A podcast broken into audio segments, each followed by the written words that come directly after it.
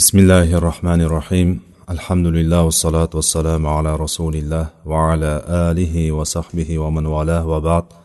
Assalomu alaykum va rahmatullohi va barakatuh. Alloh taologa hamdu sanolar bo'lsin. Payg'ambarimiz sollallohu alayhi vasallamga u kishini ahli oilalari sahobalari va u kishiga iymon bilan ergashgan jamiki mo'minlarga alloh taoloning salovati salomlari bo'lsin. Biz allohni madadi bilan al vajiz fi aqidati salafi solih kitobini o'qib boshlagandik.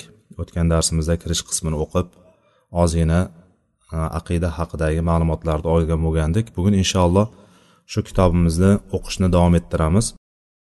E, biz o'tgan safar aytgandikki kirish qismida aqida nima degani salaf so'zi nima degani ahli sunna val jamoa degani nima deganlari mana bu narsalarga qisqacha ma'lumot bergandan keyin muallif asosiy mavzuga kirishadi. O'sha mavzuga kirishguncha demak boshida biz har bittamiz bu kitobni ichida kelgan istilohiy so'zlarni ya'ni aqidaga taalluqli bo'lgan istilohiy so'zlarni o'rganishligimiz kerak. Chunki biz qarshimizdan chiqqan paytda salaf degan so'zi nima ma'noni anglatadi? Yo bo'lmasam aqida o'zi nimani anglatadi? Ahli sunna val jamoa degan so'zlar nimani anglatadi? Ko'p eshitib kelganmizu lekin e, o'sha narsani biz dars qilib o'tayotganligimiz uchun bu narsani yaxshiroq o'rganib olishligimiz kerak. Oldingi darslarimizda aytganimizdek kitobni oldimizga ochib olib kuzatib borsak ham bo'ladi. Yo bo'lmasam kitobni darsdan keyin ochib o'qib yoki darsdan oldin o'qib kelinsa yanada maqsadga muvofiq bo'ladi. Demak bugundan inshaalloh boshlaymiz muallifni asosiy matniga kirishni.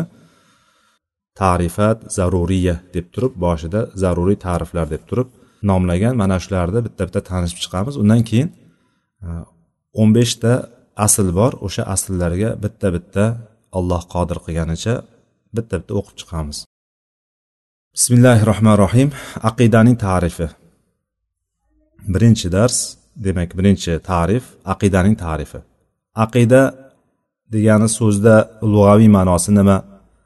Va dindagi ishlatiladigan aqidani ma'nosi nima? Ularni bitta bitta bizga bayon qilib beradi. Aqida so'zini ma'nosi bog'lamoq. Biron bir narsani boshqa bir narsa bilan bog'lab qo'yishlik o'rtasini bog'lashlik yoki bir tugmoq tugib qo'yishlik mustahkamlamoq yoki bog'lanmoq bir narsaga bog'lanib qolishlik ma'nosida yoki kuch bilan mahkam tutmoq shaddu biquvva ya'ni o'shani mahkam kuch bilan mahkam tutib turishlik. Isbot qilishlik. Tasdiq etishlik va shuning ma'nosini ichida yana ishonishlik va jazm qilishlik. Bir narsaga qat'iy qaror qilishlik degan ma'nolari bor ekan.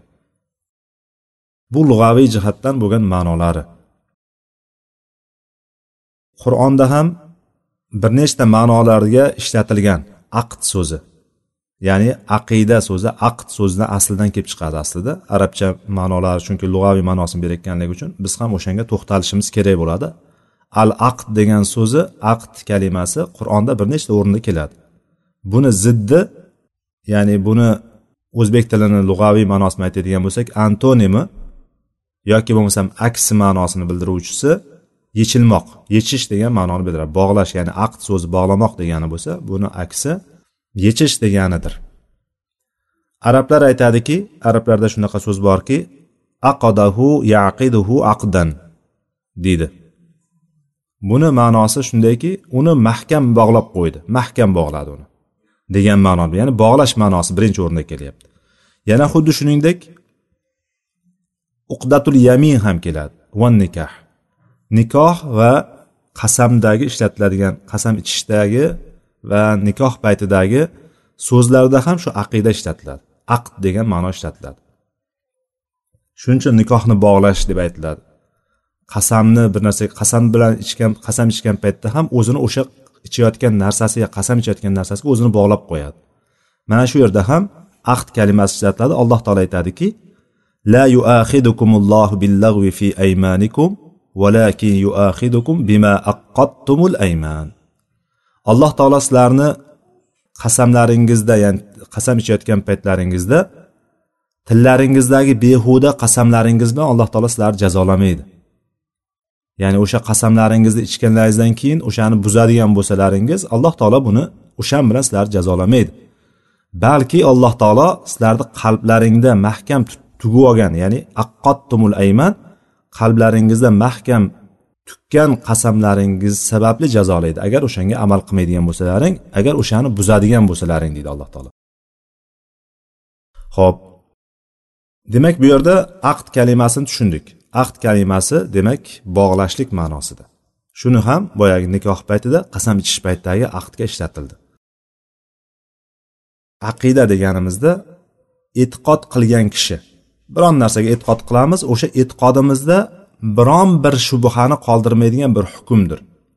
Qat'iy hukm bu. Masalan har qanday narsaga olishligimiz mumkin. Biz o'zimizni ismimizda gumonimiz bormi? Birontamiz o'zimizni ismimizda ota onamiz qo'ygan ismga sen bo'lmassan sen busan deydigan bo'lsa sen alimassan sen valisan deydigan bo'lsa kim qabul qiladi? Qabul qilmaydi. Ali vali deb birov aytsa sen valisan deydigan bo'lsa qabul qilmaydi u narsani. Ya'ni inson qalbida mahkam tukkan o'sha amalni o'sha e'tiqodni mahkam e'tiqod qilgan o'shanga. Masalan yoki suvni olaylik. Suv. Suv kuydiradi deydigan bo'lsa qaynoq suvligini biz ma'lum endi qaynoq qaynoq suvlar endi boshqa qaynatishlik kerak uni. Yoki bir tabiiy joylardan issiq suv chiqadigan joylar nodir joylarda bor odamlar davolanish uchun bormasa suv degan paytimizda birinchi hayolimizga keladigan narsa sovuq narsa hayolimizga keladi. Yoki o't olov degan paytimizda hayolimizga keladigan narsa issiq kuydiradigan yondiradigan bir narsa hayolimizga keladi.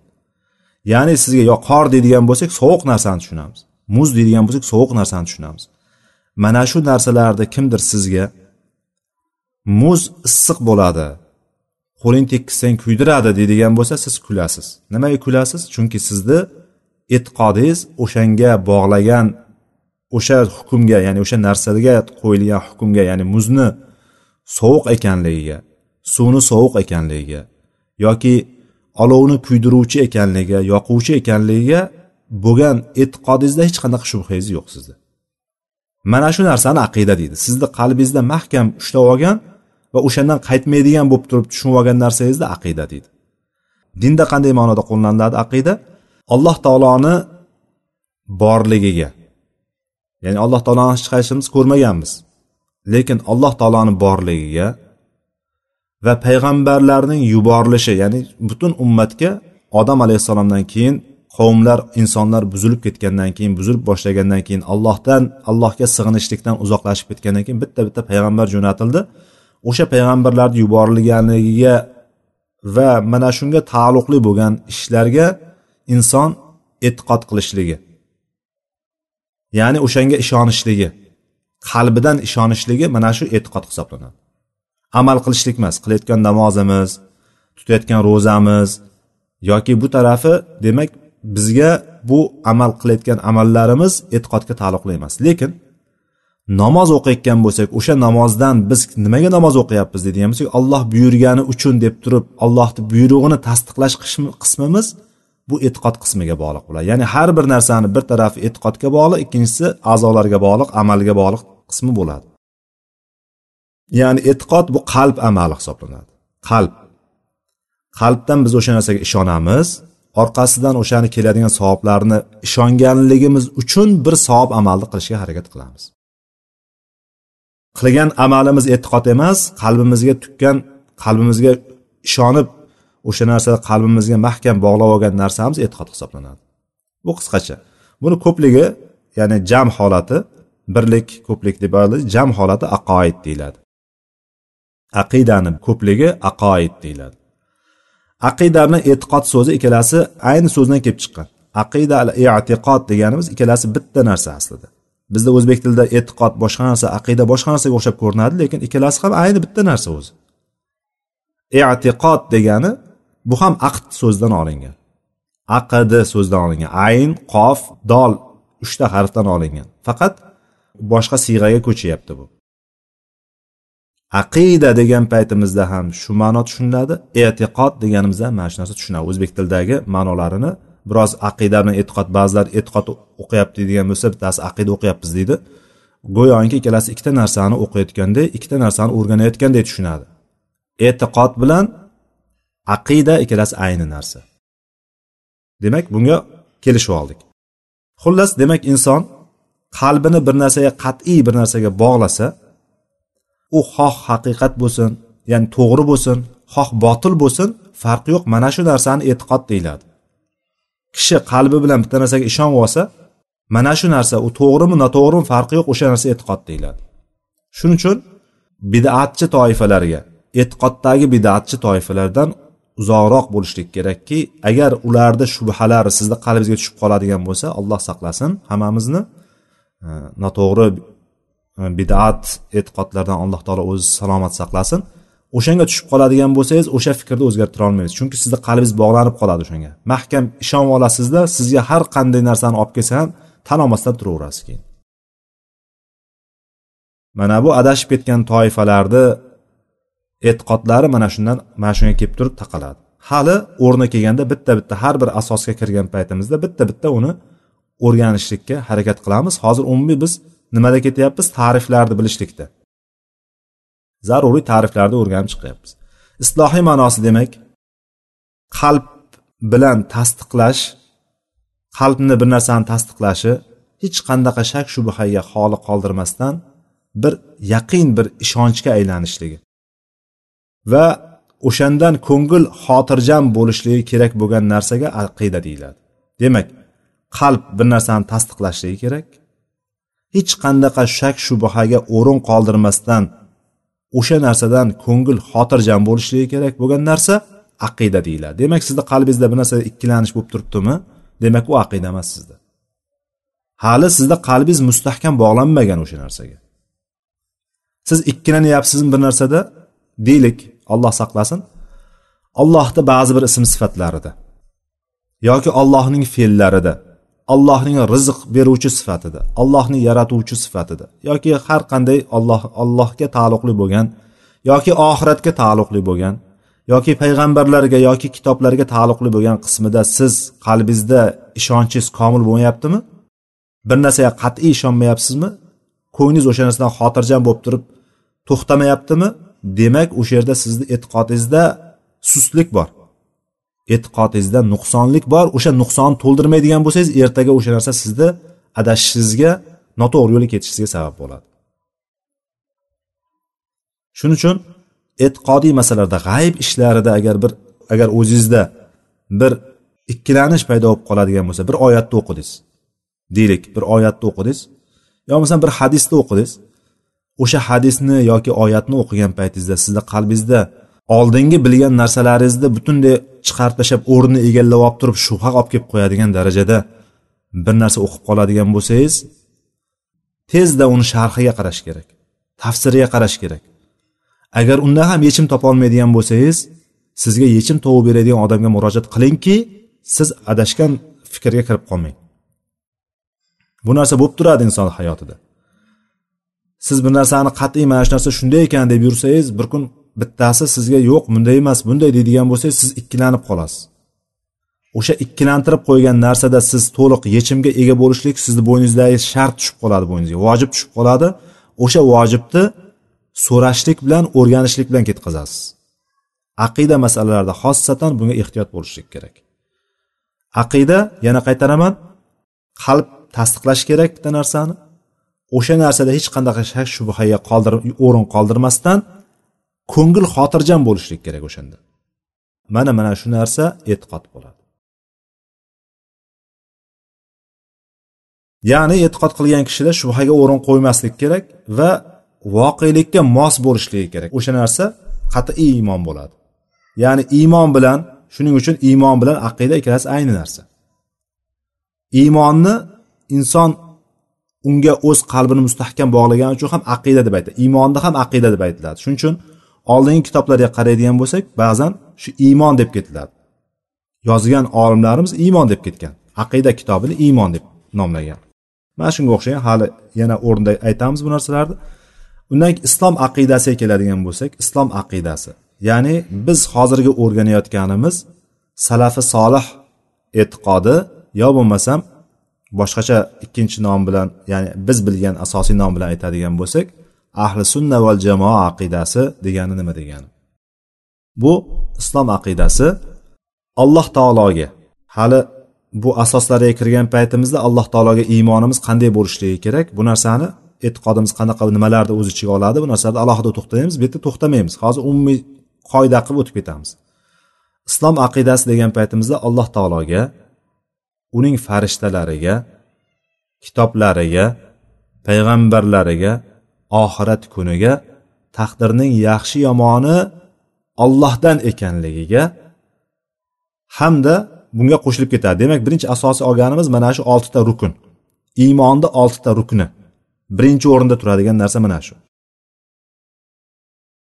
Allohga iymon keltirishlik deganimizda o'shancha kirib ketadi. Alloh taoloni rububiyati ulug'iyati ism sifatlari hammasi bitta bo'lib ketadi. Ya'ni shuning uchun alloh taologa deb bitta qilib ketyapmiz. Alloh taologa iymon keltirishlik birinchisi. Ikkinchisi farishtalariga. Uchinchisi kitoblariga. To'rtinchisi payg'ambarlariga. Undan keyin beshinchisi oxirat kuniga. Va yaxshi yomon narsani hammasi ollohdan ekanligi taqdirdan ekanligi. Ya'ni taqdir allohning taqdirdan ekanligi. Sizga yaxshilik keladimi yomonlik keladimi mana shu oltita rukun va undan keyin va sayru ma sabata min umuril g'ayb va g'ayb ishlarida sobit bo'lgan barcha narsalar ya'ni alloh va rasuli tarafidan kelgan g'ayb ishlari haqida. Biz ko'rmagan bilmagan narsalarni hammasi shuncha kirib ketadi. Biz bilmagan ko'rmagan narsamiz hammasi mana shu g'ayb olamiga kirib ketadi. Kelajakdan xabar berishliklar payg'ambar sallallohu alayhi vasallam kelajakdan xabar bergan bo'lsa yoki alloh taolo qur'onda kelajakdan xabar bergan bo'lsa qiyomat kunida qanday bo'lishligi jannatda qanaqa sifatlari do'zaxni sifatlari yoki jahannamda bo'ladigan azoblar jannatda bo'ladigan rohat farog'atlar yoki hammasi mana shu g'ayb ishlar deganimizda hammasi jin olami ham g'ayb ruh olami ham g'ayb qabrdagi bo'ladigan voqealar qabrdagi bo'ladigan azob yoki rohatlar ham hammasi g'ayb ishlariga kirib ketadi. Bizga qilayotgan amallarimizga savob berishligi yoki qilayotgan gunohlarimizga jazo berilishligi bularni hammasi nima bo'ladi? G'ayb ishlariga kirib ketadi. Mana shu qur'on va sunnatda kelgan alloh taolo tarafidan va rasululloh sollallohu tarafidan sobit bo'lgan g'ayb ishlariga. Shuningdek din asoslari. Din asoslari va salafi solih ijmo qilgan salafi solih bir ovozdan ittifoq qilgan narsalarga qat'iy iymon keltirishlik hisoblanadi. Xuddi shuningdek ishlarda hukm qilishda itoat qilishda alloh taologa to'la taslim bo'lish va payg'ambar sallallohu alayhi vasallamga ergashishlik. Mana shu islom aqidasi mana shu.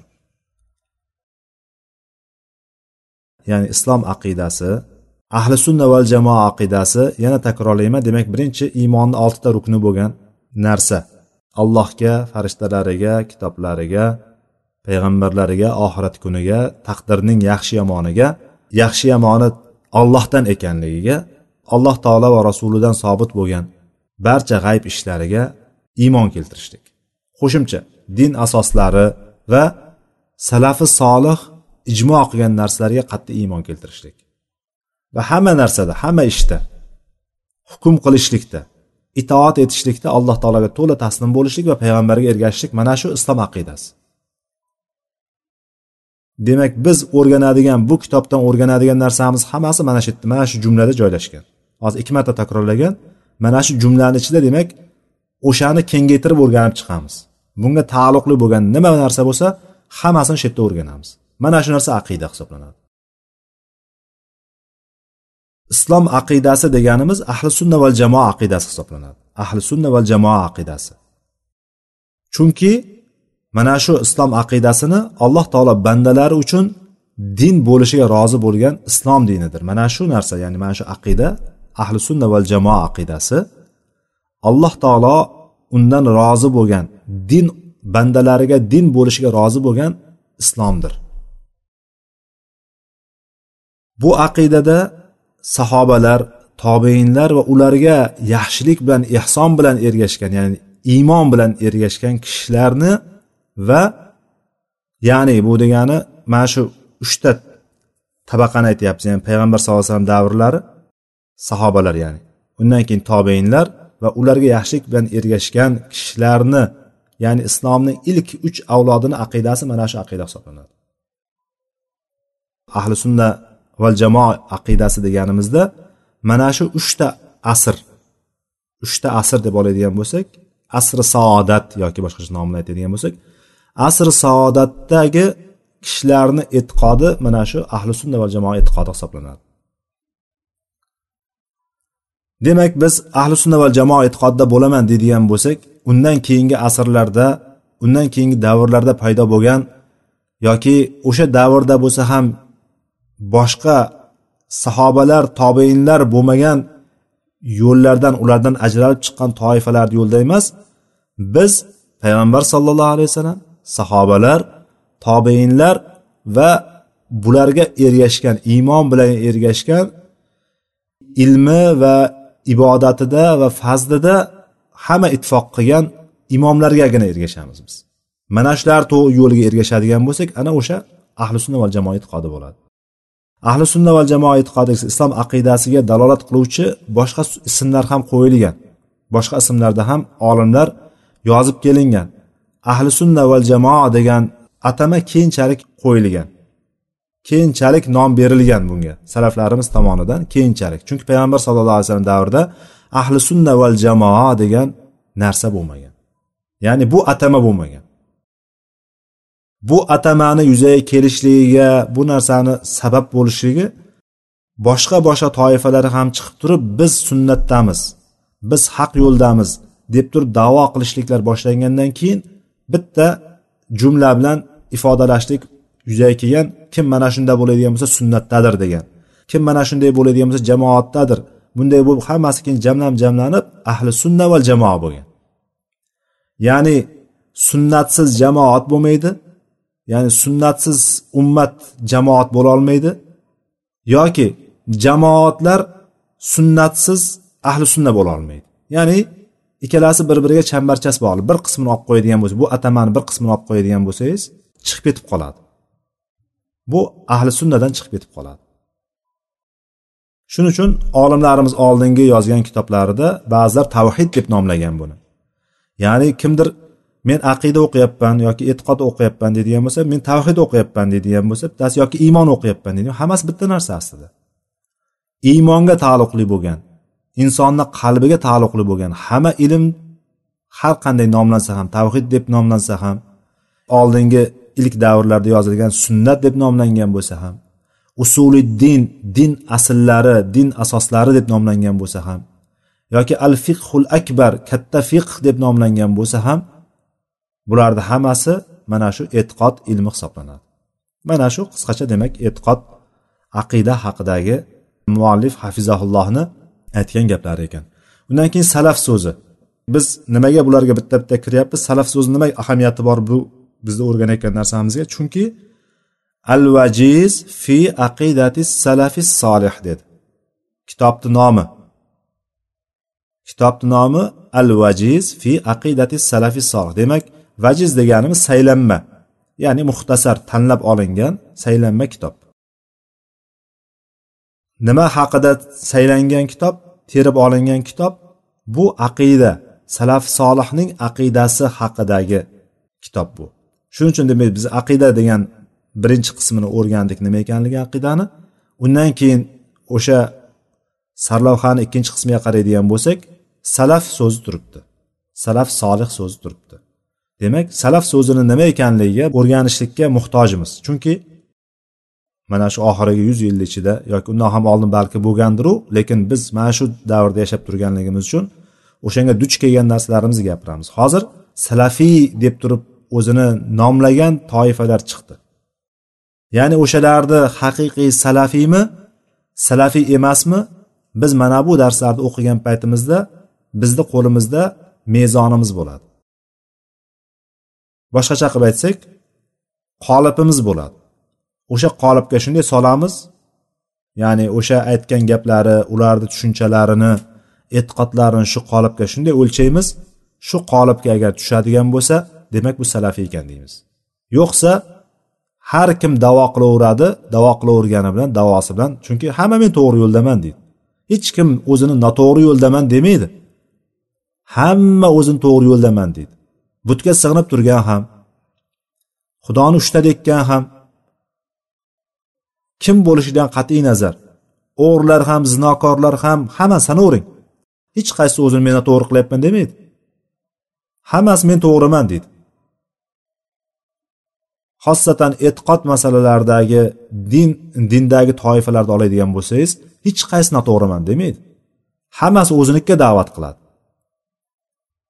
Buni qanday o'lchovi bor qanday bilamiz ular to'g'ri noto'g'ri ekanligini biz albatta o'zimizni qo'limizda dalillarimiz bo'lishligi kerakki qo'limizda bizni bir mezonimiz bo'lishi kerakki o'sha mezon bilan o'lchaylik biz ularni. Ana o'sha mezonimizga to'g'ri keladigan bo'lsa bu demak ahli sunna yo'lida ekan deb turib ayta olamiz biz uchun. Mana shuning uchun demak muallif salaf so'zini ma'nosini berishga kiritdi. Salaf degani aslida oldin o'tib ketgan narsaga aytiladi. O'tdi oldin o'tib bo'lgan narsaga. O'tmish ya'ni. Salaf degani o'tmish o'tib ketgan narsa degani arablar aytadiki salafa shayu salafan deydi. Ay mado. Ya'ni bir o'tib ketgan ishga arablar shunaqa deydi. Bir narsani o'tib ketgan bo'lsa salafa shayu salafan degani o'sha narsani o'tib ketib bo'ldi degani o'tdi ma'nosida ishlatiladi. Salafa salaf so'zi mana salafa so'zi mado degani mado degani o'tdi o'ti bo'ldi degani moziy fe'li ham o'tgan zamon fe'li masalan. Modiy ham shundan kelib chiqadi. O'tib bo'lgan narsaga salaf deyiladi. Arablarni tilida endi bu lug'aviy ma'nosi endi. Yoki salaf so'zini yana bitta so'zini oladigan bo'lsak agar salafni ismda ism deb oladigan bo'lsak bu al jamaatul mutaqaddimun ya'ni oldinda borayotgan jamoatga aytiladi.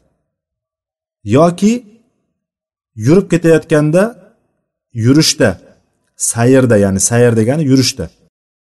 Masalan karvonni oladigan bo'lsak oldinda ketayotgan karvon deydigan bo'lsak o'shani oldinda ketayotgan karvon deydigan deyishimiz mumkin. O'sha oldinda ketishlikni demak salaf so'zi mana shunga ham ishlatiladi. Oldinda ya'ni birinchi bitta ma'nosi demak o'tib bo'lgan narsaga ikkinchi ma'nosi oldinda borayotgan sizdan oldinda borayotgan jamoatga aytiladi. Alloh taolo aytadiki falamma asafuna taqomna minhum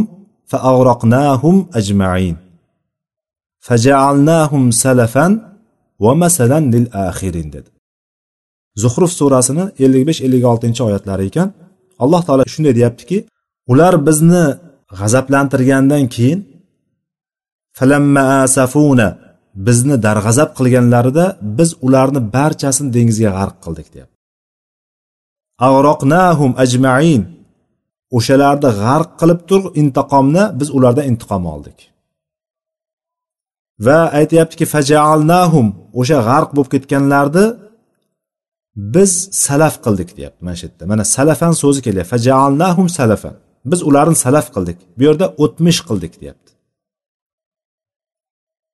Va masala lil axirin buni demak o'sha o'tmish ibrat qilib qo'ydik o'shalarni. Ularni oqibatini boshqalarga ko'rsatishlik uchun biz ularni mana shu yo'ldan yuradiganlarga biz ibrat qilib qo'ydik. Va misol qilib qo'ydik deyapti alloh taolo. Keyingilarga ya'ni biz uchun demak qolganlar undan keyin kelayotganlarga ularni biz salaf qildik deyapti alloh taolo ya'ni o'tmish qildik deyapti. O'tmishsiz kelajak qurib bo'lmaydi deydiku o'tmishsiz kelajak yo'q. Demak sizda o'tmishingiz borki kelajagingiz bor. O'tmishingizni hammasini olib tashlaydigan bo'lsangiz siz hech kim bo'lmay qolasiz. Ya'ni shu kungacha yashagan har birimizni o'tmishimiz bor. Agar o'sha o'tmishimizni tak tubi bilan yo'q qilib tashlaydigan bo'lsak butunlay boshqa odam bo'lib qolamiz. Hech kim bizni tanimaydi. Hech kim bizni tanolmaydi ya'ni shuning uchun o'tmish bilan kelajak bo'ladi. O'tmishda o'tgan voqealardan biz ibrat olishlikni alloh taolo qur'onda ko'p o'rinlarda misollar tariqasida keltiradi. Mana bu o'rinda ham shuni salaf so'zi bilan ifodalayapti demoqchimiz bu yerda. Salaf so'zini ma'nosi haqida gap ketyapti hozir. Ya'ni ularni biz deyapti qilgan ishlarini takrorlaydigan o'shalarni orqasidan yana shu ishni qiladiganlar bo'lsa zolimlarga ya'ni zolimlarni oqibati qanday bo'lishligini biz ularga ko'rsatib qo'ydik salaf qilib qo'ydik. Ya'ni zolimlarni peshqadamlari qilib qo'ydik demoqchi yani. Zolimlarni peshqadamlari ya'ni zolimlarni oldinda o'tganlari qanday oqibat ko'rdi? Sizlar ham xuddi shunday oqibat bo'lasizlar qaranglar deb turib alloh taolo zulmdan qaytarishlikni boshqa ko'rinishda bizga qur'onda bayon qildi. Salaf so'zini yana bir ma'nosi sizdan oldin yashab o'tgan sizdan yoshi va obro'si yuqori bo'lgan ya'ni fazilatda sizdan ustun bo'lgan ota bobolaringiz qarindosh urug'laringiz tushuniladi. Demak sizdan oldin o'tgan yashab o'tib ketgan sizdan yo bo'lmasam sizdan yoshi katta va fazilatda ustun bo'lgan kishilar tushuniladi. Sizni tepalaringiz ya'ni. Va shuning uchun ham mana shuning uchun ham valihada summiya sadrul avvalu minat tabiina as salafas solih shuning uchun ham ilk davrlardagi sodrul avval ya'ni ilk davrlardagi avvalgi tobeinlardan bo'lgan kishilarni avvalgilarini salafi solih deb turib atagan atalgan. Bu demak qisqacha lug'aviy ma'nosi. Endi bizni shariatimizda salaf so'zi aqida xosatan aqida olimlari tarafidan salaf salafi solih deb gapirilganda kim tushuniladi? Salafi solih degan paytda aqida olimlari tarafidan mana shu salaf so'zi aytilganda ulardan birinchi o'rinda sahobalar. Undan keyin tobeinlar yoki sahobalar tobeinlar va ularga yaxshilik bilan ergashgan. Yaxshilik bilan ergashganni biz biyahsanda shunaqa yaxshilik bilan ergashganni tarjima qilyapmiz biyahsan ya'ni iymon bilan ularga ergashganlarni salafi solih deganda mana shular nazarda tutgan bo'ladi ular. Aqida olimlari salaf so'zini aytgan paytda sahobalar tobeinlar va sahobalar va tobeinlarga iymon bilan ergashgan kishilarni nazarda tutgan bo'ladi. Imomligi imomatlik ya'ni insonlarni oldida peshqadam bo'lishligi fazilatda sunnatga ergashishlikda bidatlardan saqlanishlikka guvoh qilib bo'lingan dinda o'zini bir salmoqli o'rin tutgan ligiga ittifoq qilingan zabardast olimlar nazarda tutgan bo'linadi. Mana shunda. Boshqacha qilib aytadigan bo'lsak islomni ilk avlodlari bu ummatning ilk avlodlarini salaf solih deymiz. Bu ummatning ilk avlodlari kimlar? Sahobalar. Undan keyin tobeinlar undan keyin taba tobeinlar. Muallif rahimaulloh mana shu aytgan so'zlariga endi qur'on va hadisdan dalillar keltirib o'tadi. Bu aytgan gaplari havodan emas yoki ba'zi bir kitoblarda shunday keltirib o'tilgan emas. Bu aytgan gaplari salafi solih degan so'zlarni bitta bitta ifodalab ketishlik uchun qur'ondan va hadisdan dalillar keltirib o'tadi alloh taolo aytadiki من يشاقق الرسول من بعد ما تبين له الهدى ويتبع غير سبيل المؤمنين نوله ما تولى ونصله جهنم وساءت مصيرا deydi ya'ni haq yo'l aniq bo'lgandan keyin payg'ambarga xilof ish qilsa payg'ambarga demak bu yerda kelayotgan birinchisi payg'ambarga xilof ish tutsa va vayattabi g'oyra sabilil mu'minin mo'minlarni yo'lidan. Mana shu sabil sabilul mu'minin mana shu qismi demak mana bu salaflarimizni yo'li hisoblanadi mana shu. Ummat yurgan yo'l mana shu. Demak bittasi payg'ambarga xilof qilyapti. Birinchi sharti bo'lyapti kim haq ma'lum bo'lgandan keyin ochiq oydin bo'lgandan keyin payg'ambarga xilof qilsa. Va mo'minlarning yo'lidan boshqa yo'lga ergashib ketadigan bo'lsa olloh aytyaptiki biz uni ketganicha qo'yib qo'yamiz. Tashlab qo'yamiz o'z holiga. Va keyin jahannamga kiritamiz uni deyapti. Ketgancha qo'yib qo'yamiz ketadi borgan borgan joyigacha undan keyin biz uni jahannamga tashlaymiz va jahannam naqadar yomon joy. Alloh saqlasin hammamizni mana shunday deb turib alloh taolo bizga xabar beryapti. Va boshqa oyatda bo'lsa والسابقون الأولون من المهاجرين والأنصار والذين اتبعوهم بإحسان رضي الله عنهم ورضوا عنه وأعد لهم جنات تجري من تحتها الأنهار خالدين فيها أبدا. ذلك الفوز العظيم. Bu oyatda alloh taolo aytyaptiki sabiqun al avvalun ya'ni muhojir va ansorlardan bo'lgan ilk peshqadamlar birinchi bo'lgan peshqadamlar va ularga chiroyli amallar bilan ergashgan zotlar. Mana shu yerda nechta kimlar sanalyapti qaranglar. Muhojir va ansorlar. Bular kimlar? Sahobalar. O'shalarni ilklari ya'ni muhojir va sahobalarni oldinda kelgan birinchi peshqadamlar va ularga alladina bi ularga ehson bilan chiroyli amallar bilan iymon bilan ergashgan zotlar deb aytyapti. Bularga kimlar kiradi? Sahobalarni keyingilari va tobeinlar kirib ketadi. O'shalarni aytyapti alloh taolo alloh ulardan rozi bo'ldi. Roziyallohu anhum. Alloh ulardan rozi bo'ldi va ular ham ollohdan rozi bo'ldilar. Va yana alloh taolo ularga ostlaridan anhorlar daryolar oqib turadigan jannatlar jannat bitta jannat emas jannatlarga. Jannatlarni tayyorlab qo'ydi shular uchun. Aaddalahum jannatlarni tayyorlab qo'ydi.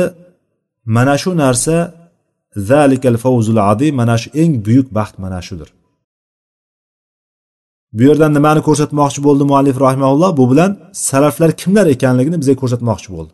Demak bular ansor va muhojirlardan bo'lgan ilklar ilk peshqadamlari va ularga chiroyli amallar bilan iymon bilan ergashgan zotlar demak salaflar hisoblanadi demoqchi bo'ldi. Payg'ambar sallallohu alayhi vasallam hadislaridan payg'ambarimiz aytdilarki xayrun nasi qorni summalladina yalunahum summalladina yalunahum. Ravohli buxoriy va muslim. Buxoriy va muslimni rivoyatida payg'ambar sallallohu alayhi vasallam shunday dedilar. Odamlarning yaxshilari odamlarning eng afzallari xayrun nars degani odamlarning eng yaxshilari xayr ma'nosi arabchani arabchani ustun oladigan bo'lsak bu axyar ma'nosida ya'ni odamlarning eng yaxshilari eng fazilatlilari mening asrimda bo'lganlaridir. Qorniy mening asrimda men bilan birga yashaganlar summalladina yalunahum so'ngra ulardan keyingilar summalladina yalunahum so'ngra undan keyingilar. Ya'ni bitta bitta pastga tushib boryapti. Shundan ko'rinadiki bu yerdan kimlar sanaldi sahobalar qorniy degandan mening asrimda yashaganlar degandan mening asrimdir degani mening asrimda yashaganlardan sahobalar ularga ergashganlar kimlar bo'ladi? Tobeinlar. Tobeinlarga ergashganlar kimlar bo'ladi? Taba tobeinlar bo'ladi. Mana shu uchta asrni biz saodat asr deymiz. Payg'ambarimiz sallallohu alayhi vasallam o'shalarga ishora qildi bu o'rinda. Demak bular salaflar hisoblanadi mana shular. Mana shu oyat va hadislardan keltirib chiqarib bitta qilib aytadigan bo'lsak rasululloh sollallohu alayhi vasallam u kishining sahobalari va sahobalarga yaxshi amallar iymon bilan ergashgan tobeinlar mana shular ummatning salafi hisoblanadi. Mana shu bu ummatning salafi kim deydigan bo'lsak payg'ambar sallallohu alayhi vasallam takrorlayapman. Salafi kim bu ummatni deydigan bo'lsa payg'ambar sollallohu alayhi vasallam sahobalar va tobeinlar hisoblanadi. Mana shular ummatni kim bo'lyapti? Salafi bo'lyapti. Va undan keyingi unga ham qo'shimcha qilishligimiz mumkin. Ularga ham yana yaxshilik bilan ergashgan taba tobeinlar imomligida fazilatida dinga ergashishligida hamma ittifoq qilgan mana shu imomlar bunga kirib ketib qoladi. Sunnat imomlari bunga kiraveradi hammasi. Kim agar rasululloh sollallohu alayhi vasallam sahobalar va tobeinlar da'vat qilgan narsaga da'vat qilsa o'sha kishi salaf yo'lida hisoblanadi. Ya'ni salaflar kim ekanligini bilganimizdan keyin salaflar chaqirgan narsaga chaqiruvchi kishi kim bo'ladi? U ham salaf bo'ladi. Shuning uchun salaf bo'lishlik salaf yo'lida yurishlik uchun salafi solih yo'lida yurishlik uchun muayyan bir vaqtda yashash shart emas. Ya'ni payg'ambar sollallohu alayhi vasallam davrida yashamagan kishi salaf hisoblanmaydi degani emas bu bilan bitta yo'l ayni bo'lgandan keyin ya'ni payg'ambar sollallohu alayhi vasallam islomni olib keldi. Islomni olib kelgandan keyin bu ummat o'sha paytdagi sahobalar ham musulmon deyildimi? Hozirgi kunda ham islomga kirgan kishi musulmon deyilyaptimi? Xuddi shunday narsa. Salaf so'zi ham demak o'sha yo'lda yurgan kishilar agarchi davrda zamonda makonda uzoq bo'ladigan bo'lsa ham bular agar salaf yo'lida yuradigan bo'lsa qur'on va sunnatga amal qiladigan bo'lsa qur'on sunnatda kelgani bo'yicha e'tiqod qiladigan bo'lsa bular salafga ergashgan odamlar bo'ladi mana shular salaf deb ataladi mana shular. Sharti qur'on va sunnatdagi aqida ahkom va suluk ya'ni hayot tarzimiz butun odob axloqlarimizda salaf tushunchasiga muvofiq bo'lsak demak biz o'sha salaf yo'lida hisoblanamiz ekan. Vaqtimiz biroz cho'zilib qoldi. Shu yergacha kifoya qiladi. Keyingi darsimizdan har bittasiga muallif dalillar keltirib boshlaydi. Hozir aytganimiz salaf solihlar kimlar ekan? Payg'ambar sallallohu alayhi vasallam imomi salaflarni. Undan keyin sahobalar tobeinlar va boyagi hadis asr saodat deganimizdan tobeinlarga ya'ni sahobalar va tobeinlarga iymon bilan yaxshi amal bilan ergashgan kishilar demak bular salaflar hisoblanadi ekan. Biz aqidamizni mana shu asr saodat davridagi bizni ummatimizni peshqadamlaridangina olamiz ekan. Bizni dinimizni peshqadamlaridangina olamiz ekan aqidamizni. Alloh taolo bizni o'zini to'g'ri yo'lga muvaffaq qilsin. To'g'ri aqidani sog'lom aqidani o'rganishlikni va unga amal qilishlikni alloh taolo muvaffaq qilsin tavfiq bersin bizga vallohu alam va axiru davana alhamdulillahi robbil alamin سبحانك اللهم بحمدك أشهد أن لا إله إلا أنت أستغفرك وأتوب إليك